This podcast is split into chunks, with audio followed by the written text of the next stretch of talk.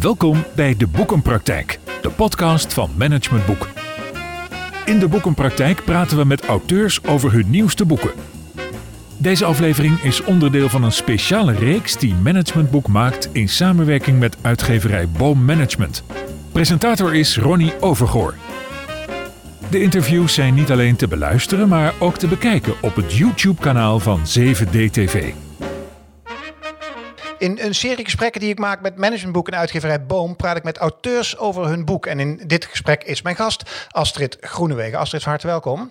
Dankjewel. Ja, een, een, een boek, meer dan een boek, gaan we het zo meteen uh, over hebben. De kunst van gedrag ontwerpen.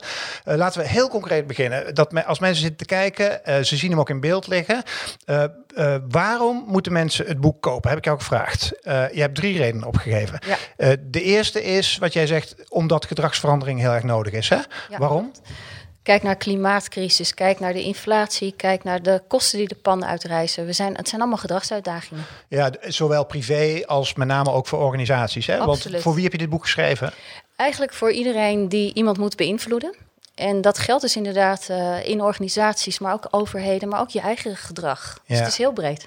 Dat, ik denk dat iedereen dat wel herkent. Hè? Want die grote thema's die jij noemt, dat jaren geleden waren dat soort van ver van je bed-achtig thema's. Maar nu, ik denk dat iedereen er nu noodgedwongen of niet, ja. maar enorm mee bezig is. Hè? En wat dat dan betekent voor je eigen gedrag. Ja, kijk naar duurzaamheid. Ja. Uh, vanwege de hoge energieprijzen is iedereen ineens in gedrag aan het veranderen. dat lukte twee jaar geleden veel minder makkelijk. Kunnen we daar meteen iets uit leren trouwens, wat betreft gedrags verandering? Uh, nou, dit is wel een extreem voorbeeld. Als hm. een nood zo aan de man is, dan zijn we. Het mooie nieuws daarvan is, we zijn in staat om gedrag te veranderen. Ja. Het is niet altijd makkelijk, maar als nood aan de man is, dan mm -hmm. kunnen we het. Energieprijzen of de, de vrees van een hoge energierekening. Ja. Maar kijk ook COVID. Ja. Uh, organisaties probeerden, weet ik hoe lang mensen laten thuiswerken, tot het moest en toen deden we het. Ja, in één keer, in een paar weken tijd was alles omgeturnd. De tweede reden waarom mensen het boek moeten kopen, tenminste, dat vind jij dan, hè? Uh, dat is dat jij zegt dat je inzichten uit de wetenschap praktisch hebt gemaakt. Hè? Ja, Hoe heb je dat gedaan? Ik heb, uh, er zijn heel veel fascinerende inzichten, maar het is heel theoretisch. En uh, ik heb er een heel simpele methode van gemaakt met tools en templates, zodat je het ook echt in de praktijk kan toepassen. Want er is veel theorie, hè? Er is ontzettend veel theorie en ja. heel veel intrigerende theorie, maar wat kan je ermee? Hoe lang ben je ermee bezig geweest? Ja, hoe lang ben je er eigenlijk al Van kinds af aan al, hè? Begreep ik. Nou, eigenlijk. Moet, ik denk, je moet een soort uh, basisinteresse hebben, nieuwsgierigheid in mensen. Die zat gewoon vanaf kleins in mij. Als je op terrasjes gesprekken afluistert, weet je wat ik bedoel. Ja. Um, dus dat zat er mijn hele leven al in. We gaan nu geen leeftijden noemen, Ronnie, hoe nee, lang hoor. dat is. maar uh, wij hebben elf jaar een bureau, dus zo lang ben ik er uh, professioneel mee bezig. In het boek heb ik, uh, is een tijdspanne van drie jaar. Ik heb niet drie jaar aan één stuk geschreven, maar, nee, wel, maar wel bezig geweest om het boek te realiseren. Met, ja. uh, even voor duidelijkheid, je noemt net het bureau Sue Amsterdam uh, ja. heet het. Is het Amsterdam, Amsterdam, hoe noem je het? Het is eigenlijk nu Sue Behavioral Design, als we echt netjes moeten zijn. Sue Behavioral Design. Ja. Um, wat is het voor een bureau? Het zijn eigenlijk twee componenten. De ene is een innovatie, is, innovatiebureau. Ja. En de andere is een opleiding, een officiële opleiding op het gebied van gedragswetenschap. Ja, gedragswetenschap. En wie, wie, wie, wie gaan die opleiding doen dan? Ja, dat is heel breed. Het begon met marketeers, maar ja. we zien nu heel veel mensen uit HR. Zie COVID, hoe krijgen ja. we mensen hybride aan het werken? We zien ondernemers, hoe krijg ik uh, mensen mee in de verandering? Uh, UX, CX, uh, het is heel breed. Ja, grappig. de derde reden om het boek te lezen is ja, wat jij noemt de missende laag. Ja. Wat, wat, is dat, de missende laag? Nou, ik heb zelf gemerkt, en ik merkte het ook bij onze klanten of mensen waar ik mee sprak, is dat heel veel mensen hebben goede intenties met wat ze doen. Of ze nou producten, diensten, campagnes, beleid. En soms lukt het toch niet. Hm. En ik kwam erachter toen ik gedragswetenschap ging bestuderen, dacht ik, oh, we weten gewoon niet hoe mensen beslissingen nemen. We weten niet hoe dat werkt in de hoofd. En als je een gedrag wordt, gaat een beslissing aan vooraf. Dus als je dat snapt, en dat noem ik de missende laag, heb je ineens veel meer grip op uh, het sturen van mensen en de uitkomsten van gewenst gedrag. Kun je, kun je, dat, echt, kun je dat echt zo praktisch regelen? Want dan wordt, in, dan wordt in heel veel dingen wordt dan heel makkelijk. Uh, je kunt het echt zo praktisch regelen. Um, en het, het, is dus daarom een fascinerende uh, kennis. Mm -hmm. Die overigens ook dus ten goede en slechte ingezet ja. kan worden. Ja. Dat moet ik er wel even bij zeggen. Maar het kan. Het kan. Mm. Het gebeurt ons dagelijks mm. om ons heen. Kunnen misschien de slechterik het vaak misschien ook beter? Absoluut. Uh, er zijn veel voorbeelden van in de politiek. Het ja. polariseren van de maatschappij. Uh, die zijn er heel goed in. Ja. Uh, maar wij kunnen er ook heel goed in worden. Dat is het goede. En wij zijn, zijn dan mensen die proberen de wereld Wij een stukje de- mooier te maken. Ja, wij zijn de mensen die proberen mensen betere beslissingen of beter gedrag, zodat hun privéleven, werk of leefomgeving eh, wat een stukje mooier wordt of beter. Ja. Je hebt een bonusding nog meegenomen. Dat is dat je ook nog eens een keer zelf leert zien waar en hoe je allemaal beïnvloed wordt. Is dat ook een eye-opener als je dit boek leest? Ja, ik, ik zeg altijd, ik geef ook trainingen van, ik geef je wel een waarschuwing, want je gaat de wereld nooit meer op dezelfde manier bekijken. Eh, dus ja, het is een waarschuwing, maar het is soms ook eh, leuk. Ik moet er af en toe om lachen. Ook omdat je soms je eigen gedrag, ik weet er van alles van, maar toch zie ik af en toe wat ik zelf doe om mijn gedrag goed te praten. Dus het is, het is een eye-opener en af en toe ook gewoon een heel mooi reflectiemomentje van jezelf. Het is een waanzinnige pil. Eh, er staan veel voorbeelden, cases. We, we kunnen dat dus never nooit in dit gesprek helemaal doen. Dat is ook precies de bedoeling. Want zeg ik tegen de kijkers, dan moet je maar lekker kopen. Eh, en dat kan trouwens in de beschrijving, vind je linkjes daarvoor. Maar dat is genoeg voor de reclame. We gaan nu de inhoud in. Ik heb er proberen wat dingen uit te pakken Ja. als die ik interessant vond. Eh, om te beginnen, nou, wat centraal staat is wat jij je methode Ja. noemt. Hè? De eh, Behavioral Design eh, Method. Ja. Kun je die samenvatten? Ja, eigenlijk. Het is een beetje gestart toen de gedragswetenschap een beetje kwam. Zag je dat bedrijven gewoon wat principetjes over dingen heen gingen gooien. Weet je wel, van er zijn nog maar zoveel kamers over op een hotelwebsite. En dat is voor mij geen behavioral design. Dus wat doet de methode? Die, stap, die begint met stap 1. Ja. En dat is inzicht. En dat is echt van snappen hoe nemen wij nou beslissingen. En daar zit de grootste eye-opener. Want we denken allemaal dat we denken. Maar het meeste van onze beslissingen nemen we totaal automatisch en weten we recht te praten in ons hoofd. Dus daar begin je mee. Want als je. Neem je die onbewust? Absoluut, ja. Worden die voor jou genomen eigenlijk? Ehm, nee, dit is hoe je brein je ook een beetje beschermt. Want eh, de literatuur zegt dat wij allemaal gemiddeld 35.000 beslissingen per dag moeten nemen. Ja. En dat varieert van groot naar klein. Hè? Van kijk ik nu naar rechts Ja, of ja. sluit ik een hypotheek af. Precies. maar als je die allemaal bewust moet nemen, dan crasht je brein. Ja. Dus het is, het is een hulpmiddel. Maar we kunnen niet over alles nadenken, ook al denken we van wel. Het tweede is dan vervolgens, eh, dan ontdek je kansen hoe je mensen hun gedrag kunt veranderen of beïnvloeden. En daar eh, laat ik allerlei principes zien, en ik noem dat interventies, Ja. hoe je vanuit de gedragswetenschap met ideeën kan komen. En idee is heel breed, hè? dat Mm. is een product, een dienst, eh, een beleidstuk, noem maar op. Die echt keuzes en gedrag eh, beïnvloeden. En dan eh, het laatste, en dat vind ik een heel eh, mooi stukje, want het is een beetje bescheiden, is van dan gaan we heel snel testen, werkt het ook? Eh, leidt het echt tot het gedrag wat je voor ogen had? En heeft het bijvoorbeeld geen negatieve effecten die we niet zagen komen? Want ethiek eh, is ook een belangrijk Ja, dat is natuurlijk iets wat we meteen, dat kunnen we meteen behandelen. Want er zitten nu mensen te kijken of te luisteren. En die, die horen beïnvloeding en gedragsverandering. En die denken, die associëren meteen naar eh, woordjes als manipulatie. Absoluut. Eh, Ja. waar ligt het verschil of waar ligt de Ja. nuance? Ehm, ik ben heel blij te vragen, want ik krijg ook heel vaak te horen: zit jij in de manipulatiebusiness? Ja. Eh, met een eh, beetje oordeel erin. Eh, nee, voor mij is het verschil echt de intentie die erachter zit. Enerzijds Wi- wil je het inzetten om mensen echt te helpen vooruitgang te creëren in hun werk, privéleven, leefomgeving.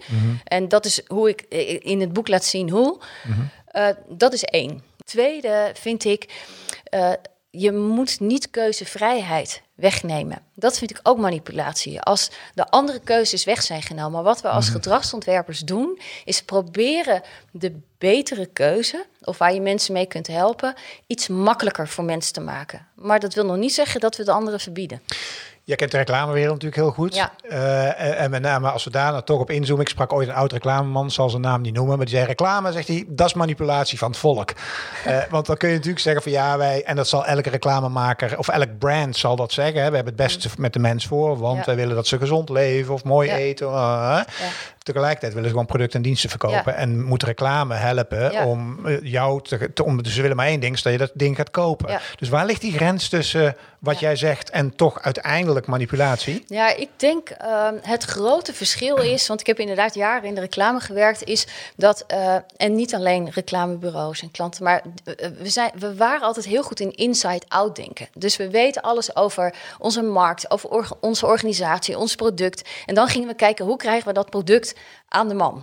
Eh, en ik denk wat. eh, ehm, ook verschil. En noem je dat manipulatie? Dat weet ik niet hoor. Ik heb ook hele mooie reclamecampagnes gezien. Dus ik vind dat een beetje Ja, te makkelijk. Ja, Eh, maar niet mijn woorden, hè? Ja, nee, precies. Nee. Voor die, wie die persoon ook was. Ja, het is je- meer dan ik- dat. Ik vertel het je straks wel.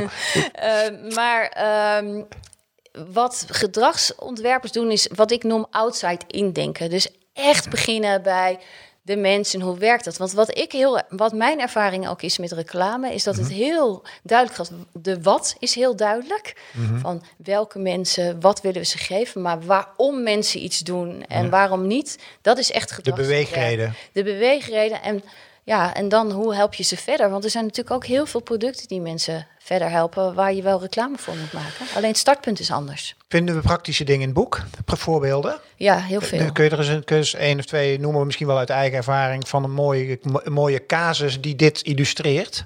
Eh, manipulatie of gewoon een voorbeeld over. Nou, weet, weet je wat ik heel mooi vind? Het is heel kleinschalig. Want ik denk dat ik dat ook heel mooi vind van gedragsontwerp. Soms zijn het hele kleine dingetjes die een groot verschil maken. Eh, ik, ik, mis- misschien dat kijkers het ook wel herkennen, maar dat je. eh, je hebt voorgenomen dat je een gezonde dag gaat hebben. En dan ehm, aan het eind van de dag, en dat heeft ook allemaal redenen, daar zal ik niet over uitweiden, staat ook in het boek, maar aan het eind van de dag is een zak chips toch heel verleidelijk. En je neemt je nog voor, ik neem maar een beetje.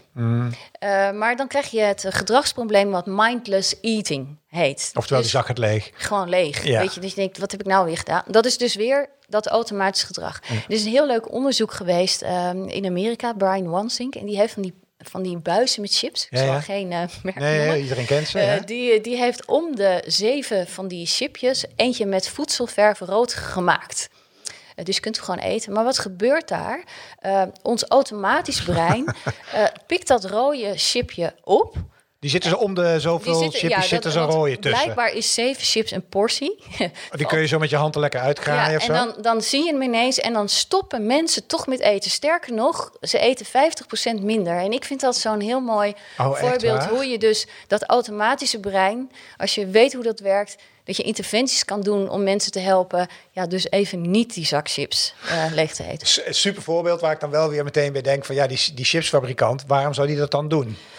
Ja, dat, dat- is inderdaad een andere vraag. Ja, dat is een andere vraag. Hè? Ja, Gaat niet, maar ja. dit is wel een mooi voorbeeld Ja. van hoe je echt gedrag kan veranderen.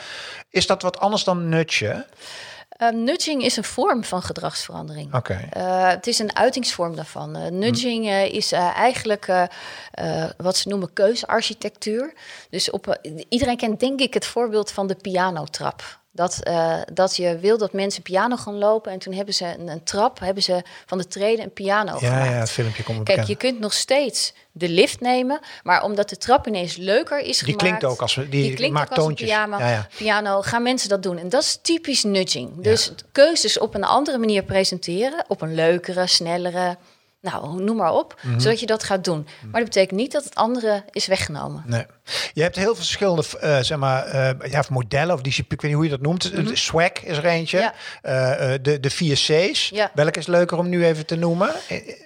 Pff, ik denk swag. Swag is, is ja, ik, ik snap Ja. niet zo goed wat de vol, want je hebt want, can, spark, again. Ja. Maar dat is niet swag. Swag zou zijn spark, nou leg uit. Ja, ja. nou, ik, eh, eh, om, eh, op dat automatische brein, die gebruikt heel erg cues, dingen die we makkelijk kunnen onthouden. Ja. Dus de, de elementen zijn woorden. Een spark inderdaad, want, can en again. Ja. Maar het feit dat het swag is, dat kan ons automatische brein gewoon heel goed onthouden. Ook al spel je het anders. Dus het is voor mij een trucje Aha. om iedereen te helpen onthouden welke elementen heb je nodig. Nou, en waar eh, eh, gaat het om? Eh, als je gedrag wil beïnvloeden, heb je eigenlijk deze, heb je vier vragen te beantwoorden. Wil iemand het gewenste gedrag ehm, vertonen? Kan die, dus want, kan die dat? Can. En eh, dan nog, elk gedrag moet je aanzetten. Er moet een soort call to action zijn. Dat is de spark. En de gedragsverandering gebeurt bijna nooit na één keer. Dus je moet het een paar keer Ja, ja. doen, again. Aha. Dus dat zijn de elementen. En wat zijn die sparks dan? Hoe zet je iemand aan Ja. tot ander gedrag? Eh, dat kan van alles zijn. Dat kan een herinnering zijn. Maar eh, eh, bijvoorbeeld een hele negatieve spark vind ik... is een notificatie op je mobiel. Dat is een Ah, typische spark. Ja, ja. Je automatische brein ziet het. Een spark moet je met een van je zintuigen kunnen oppakken. En dan weten wat je ermee doet. Ja. Als je, als je gedrag wil veranderen, hè? dus ik denk bijvoorbeeld aan uh, maatschappelijke organisaties of zo, hè? dat je echt grote groepen mensen, uh, uh, weet ik veel, anders wil laten eten of meer wil laten bewegen, ik verzin maar wat.